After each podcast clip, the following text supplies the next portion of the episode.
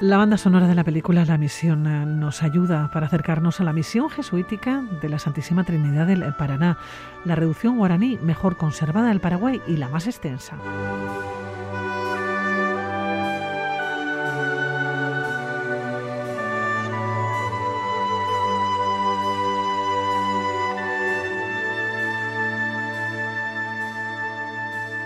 Fue fundada en junio de 1706 y en 1728 contaba con una población de 3.000 indígenas guaraníes. Y hasta allá se acercó Xavier Bañuelo. Xavier, ¿cómo estás? ¿Cómo llegaste a la misión jesuítica de Trinidad? Pues, Cuéntame. Eh, a ver, yo estaba viviendo en aquel tiempo, estaba viviendo en Argentina durante unos meses. Era profesor de práctica periodística en la Universidad de Morón, ahí en, en el Gran Buenos Aires. Y bueno, la verdad es que aprovechaba, ¿no? Pues para hacer mis escapadas para conocer el país. Y total que con un compañero nos liamos la manta a la cabeza y dijimos, venga, vámonos para, para el norte de Argentina. ¿no? Entonces recorrimos la provincia de Misiones hasta Iguazú, Puerto Iguazú, Ciudad del Este, Puerto de Iguazú. Allí vimos también una serie de, de, misiones, porque de hecho a la misión que vamos a ir ahora, que es la misión de Trinidad, bueno, vamos a ver dos. No son las más famosas, porque la más conocida es San Ignacio Mini o Loreto, pero bueno, nos apetecía ir a, ir a estas que son menos conocidas, pero no por ello menos interesantes. ¿no? Bueno, el caso es que andábamos por aquella zona, recorrimos todas las reducciones jesuíticas argentinas, eh, regresamos, me acuerdo, en autobús hasta Posadas, ¿no? Nos, nos, cogió, me acuerdo, un camión, allí íbamos con el camionero tomando mate hasta, hasta Posadas. Y, y desde, desde Posadas cruzamos eh, el Paraná por el puente San Roque González de Santa Cruz hasta Encarnación, ¿no? eh, que es la ciudad eh, ya paraguaya que está más cerquita de, de, las de las misiones. En realidad íbamos camino de, de, Asunción, pero bueno, decidimos pararnos allí pues para completar un poco ese itinerario jesuítico que nos habíamos uh -huh. propuesto, ¿no? Además hicimos allí noche en Encarnación, me acuerdo, en una de las pensiones más infectas en las que he dormido en mi vida, solo superada, recuerdo, por otra en la isla de Pemba, pero bueno, esto lo dejamos para otro día. También te acuerdas, bueno, ¿eh? De la, bueno, algún día hablamos de, de, los lugares donde has dormido, por ejemplo, ¿no? De las cosas sí, que has sí, comido, quiero sí. decir que, que tiene que dar para mucho, ¿eh? Sí, da, da, da, da, porque cuando viajas por ahí, sobre todo cuando viajas de esta manera, uno vive experiencias gastronómicas eh, para dormir y demás, sí, sí. Bueno, total que, que ya dormimos allí, la verdad es que, que, que bien, a pesar del sitio. Y al día siguiente ya nos fuimos a visitar, como te digo, no solamente una, sino las dos reducciones uh -huh. que teníamos en mente, que eran efectivamente la de la de Jesús de, o sea, la Santísima Trinidad del Paraná y Jesús de Tabarangué. Oye, vamos a situar a la gente, eh, vamos a hacer una contextualización histórica de lo que fueron y lo que supusieron, ¿no? Estas misiones. Sí, pues bien, me parece bien porque si no es difícil entender lo que vamos a explicar luego de sobre las eh, cada una de las misiones. A ver, situémonos en el siglo XVI. ¿eh? Eh, estas reducciones eran eh, pueblos, bueno, en el siglo XVI empiezan a crearse los que se llamaban pueblos misioneros. Fundamentalmente iniciaron esta, estas, estos pueblos misioneros franciscanos, dominicos, capuchinos. Los jesuitas llegaron, de hecho, un poquito, un poquito después que estas otras órdenes. ¿no? Entonces, los, mision, los, misioneros realmente acompañan a las expediciones de, de conquista, de, de, peninsulares, digamos, eh, fundamentalmente españolas, desde, desde sus mismos comienzos. ¿eh? Eh, pero a partir del siglo XVI, las órdenes comienzan a hacerlo de manera organizada y sistemática. Y empiezan a fundar misiones, es decir, pueblos formados por comunidades indígenas cuya función es evangelizar y civilizar a la población indígena, ¿vale? Eh, lo de civilizar también vamos a ponerlo un poco entre comillas. Lo de evangelizar no, porque sí, era una intención sí, muy clara y además, ¿no? Lo de civilizar sí, pero bueno, a la población indígena. Entonces se extienden rápidamente por toda América, por toda la América hispana, pero estamos hablando desde California hasta Argentina. ¿eh? Recordemos que todo el, toda la mitad norte de, de, lo que actualmente es Estados Unidos fue en su día parte de, del imperio del imperio español. ¿no? Entonces surgen miles de estos pueblos durante todo este periodo de, colonización y alcanza su máximo desarrollo entre los siglos, digamos, XVII y XVIII. Y fue una realidad, yo creo que bastante ambivalente, ¿eh? porque es cierto que en muchas ocasiones ofrecen cierta protección de la población indígena, pero también hay un, digamos, un, un efecto de control de asimilación, de aculturización, incluso de avanzadilla de, la colonización, con lo que ello supone de violencia y sometimiento de estas, digamos, eh, eh, culturas originarias. ¿no? Entonces, dentro de este contexto, digamos, eh, tanto evangelizador como, bueno, de estos pueblos originarios es donde, es donde surgen, entiendo, eso, las misiones, ¿no? Claro, efectivamente, ¿no? En, este contexto, ¿no? y, se da una verdadera fiebre misionera y, fundacional. Bueno, pues dentro de todo este contexto, en el siglo, en el siglo, digamos, XVI, surge una experiencia diferente, ¿eh? que se aleja un poco de los cánones desarrollados hasta el momento, que son las reducciones jesuíticas. ¿eh? Eh, y son diferentes porque pretenden ser una especie de utopía cristiana diseñada por la Compañía de Jesús, porque los jesuitas no van a tierras conquistadas, en realidad van a tierras eh, fronterizas y van a trabajar con comunidades que todavía no han sido, eh, a donde no ha llegado todavía la conquista. ¿no? Entonces son eh, Eh, tiene este, este componente que es, que es eh, francamente diferente. Es decir, yo no voy a hacer una reducción o una misión donde en un territorio donde los, los, indígenas ya han sido, digamos, conquistados, sino que me acerco a unos pueblos que aún viven en, eh, en libertad, digamos, ¿no? y según sus, sus, sus propias creencias. Entonces, intentan llegar, llevar una especie de utopía cristiana con comunidades indígenas y evangelizadas, evangelizadas y civilizadas al estilo europeo, pero sin las corruptelas y los vicios de las sociedades europeas. Entonces aquí, digamos que convergen dos intereses. Por un lado,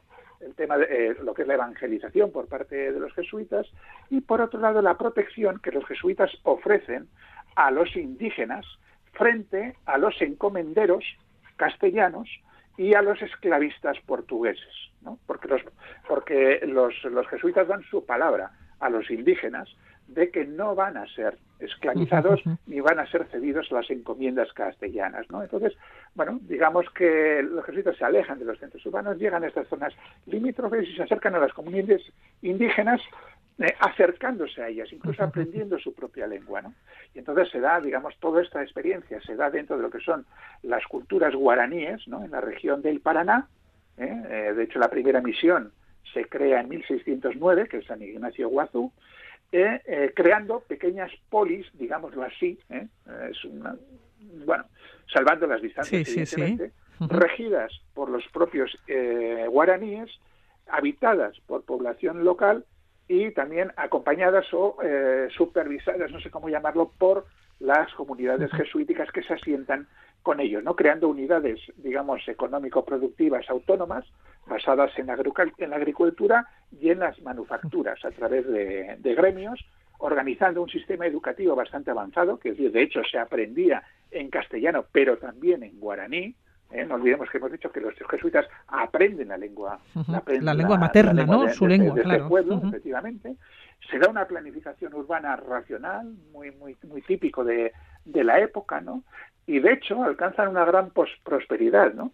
Eh, aunque tampoco se debe tener una visión, yo creo, romántica. ¿eh? La vida era dura. ¿eh? Y había ciertos, lógicamente, había cierta inadaptación, tanto por parte de la, de, la población indígena como de los propios jesuitas. No deja de, ser también un cierto proceso de aculturización. Hay quien dice que se da un intercambio de, culturas, pues las dos cosas, ¿no? Es cierto. Pero claro, también los, jesuitas eh, tienen falta de misioneros, no tienen gente suficiente, algunos van con, espasa, con escasa preparación. La administración, por su parte, no siempre es la correcta. Quiero decir que dentro de esta idea, digamos, progresista para la época, sí que se dan eh, no hay, o sea, quiero, quiero, decir que no hay tampoco que idealizar, que, que idealizar, sí, eso es. Claro, lo cierto eh, es que se dan conflictos, conflictos con los poderes coloniales, porque los jesuitas meten las narices en los bolsillos de los encomenderos y en los bolsillos de los, de los esclavistas, ¿no? evidentemente, porque están les están quitando mano de obra y les están quitando esclavos, ¿no? Y por otro lado también llega un punto en que la autonomía eh, de estas eh, poblaciones es tal que se empieza también a generar eh, conflictos con la corona, ¿no? Incluso empiezan a meter cizaña, sobre todo encomenderos, esclavistas y más, diciendo, oye, que estos se te pueden independizar, ten cuidado, que están cogiendo mucho poder. Total, que entre una cosa y otra se da la famosa expulsión de los jesuitas en 1767, pues la Compañía de Jesús es expulsada de, todo el imperio español, no solamente, ¿eh? también les propusieron los franceses y otros y otras y otras naciones, incluso eh, la compañía llega a ser suprimida durante durante unos cuantos años. Así llegamos a esas a estas reducciones, decíamos, del comienzo de la Santísima Trinidad de Paraná y la de Jesús de Tabarangue. Claro, eh, las dos están, o Tabarangue, con acento la Oye, para llegar a estos dos lugares, yo no sé si están cerca o lejos entre sí. No, ellos dos están muy cerquita. Eh, están, yo creo que están más o menos unos 30 kilómetros de, de, distancia, sí. Sí, se llega, se llega, llegas por ejemplo primero a, a Trinidad, ¿no? Y luego de allí puedes ir tranquilamente a, a Jesús porque están, ellas dos están muy cerquita y además hay transporte público. ¿qué, ¿qué queda de todo ello? ¿Qué queda de estas misiones? Cuando uno llega... Bueno, pues, pues queda bastante. Date cuenta que las reducciones jesuíticas guaraníes eh, que se, extendieron, se extendieron por Argentina, eh, fundamentalmente Corrientes y Misiones, Paraguay, y Paraguay y el sur de Brasil, lo que se llaman las reducciones orientales, hay más o menos unas 30. Y luego, aparte, en Bolivia también hay un montón de ellas, ¿no? Al final, las reducciones jesuíticas chiquitanas. Vale, es decir, y de esto quedan bastantes vestigios. ¿eh? De hecho hay algunas que son absolutamente encantadoras porque algunas están literalmente comidas por la, por la por la selva, ¿no? Pero bueno, ya hablaremos de ellas en otra En otro momento, sí. Yo, te iba a preguntar si sigue viviendo personas allá o no. No, no, no, no, son restos. Eh, en lo que son las reducciones, no. Lo que pasa es que las reducciones sí que están en un, en un pueblo, ¿no? Es decir, por ejemplo, Trinidad, pues tienes el, pueblito de Trinidad que tendrá no sé cuántos habitantes, 3.000 o 4.000 habitantes, y luego están, eh, digamos, eh, las ruinas de, de, lo que fue la antigua la antigua reducción. Es decir, pero en lo que es la reducción no, están, son, son ruinas. ¿Eh? Pero bueno, Jesús de Tabarangué, por ejemplo, que se fundó en 1685, de hecho no se llegó a terminar, pero llegaron a vivir 3.000 personas allí. Y sobre todo, eh, los restos más interesantes son los restos de la iglesia, que llegó a ser una de las más, grenda, eh, una de las más grandes de la época. Sí, que se quedó, se quedó inconclusa. Además es muy bonita, con arcos trilobulados de inspiración islámica. La verdad está, está, está muy chula. Pero sobre todo la que a mí me enamora es, eh, es Santísima Trinidad del Paraná. Esa, esa me parece especialmente bonita y que puede competir con San Ignacio Mini, con cualquier otra. Además tiene unas características un tanto peculiares. Esta viene de se fundó en 1706 y como bien has dicho tú antes, en 1728 tenía 4.000 habitantes, es decir, los jesuitas convencieron, digámoslo así, ¿no? a 4.000 indígenas que dejaran su selva para ir a vivir a la, digamos, a un pueblo común de, distintas, formado por distintas familias guaraníes, más los jesuitas.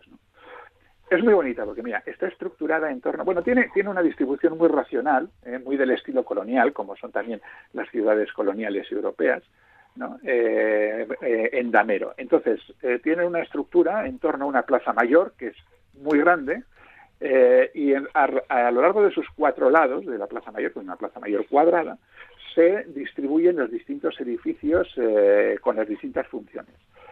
Tenemos primero la iglesia primitiva, que está junto al cementerio y a un pequeño campanario exento, ¿eh? que fue la primera iglesia que se construyó. Después se construyó una, una mayor. Vale, junto a esta iglesia primitiva se empiezan a distribuir las casas de los indios y los talleres, que son grandes construcciones con alargadas con eh, separadas, digamos, con pequeñas eh, pequeñas casas, son habitáculos con casas con varias con varias habitaciones. Como está en ruinas todo esto, hay ¿eh? que decir que no la vas, a ver las paredes y tal, no, no se ven los techos, están caídos, tal, pero bueno, está bastante está, está, está bastante bien. Claro, tenemos las casas de los indios y los talleres. y luego está el complejo de la iglesia mayor, que es una auténtica preciosidad. Está la iglesia, que es una iglesia muy grande, de hecho, eh, si hemos dicho que la de Jesús de Tabarangué era una de las más grandes, no sé si esta no llegó a ser la más grande en su época. ¿eh? Entonces tenemos lo que es la, iglesia mayor, ¿eh? tiene un púlpito y un friso de ángeles músicos precioso, muy bonito una, una pila bautismal labrada con relieves evangélicos y además mantiene todavía restos de policromía. Y luego eh, son grandiosos los pórticos de la sacristía con sus estatuas. Hemos de decir que una de las cosas que tiene especial eh, Trinidad es que los indígenas eh, a los indígenas sobre todo se les eh, impulsó la creación artística. Entonces dieron muy buenos músicos y muy buenos escultores. y los guaraníes Se, se, revelaron como unos grandes escultores. Y de hecho eh, se conservan esculturas, relieves y demás hechos por los propios guaraníes. Y además es curioso porque lo que ves son rostros guaraníes en las, en las esculturas. Bueno, es muy, es muy chulo. Que con lo que nos cuentas tenemos que ir a conocer ah, estas reducciones de, Trinidad, ¿eh? Sí, sí, sí, sí, hombre. ¿Qué momento es bueno para ir? Pues mira, eh, yo, hombre, iría en primavera o en otoño, en nuestra primavera y en nuestro otoño.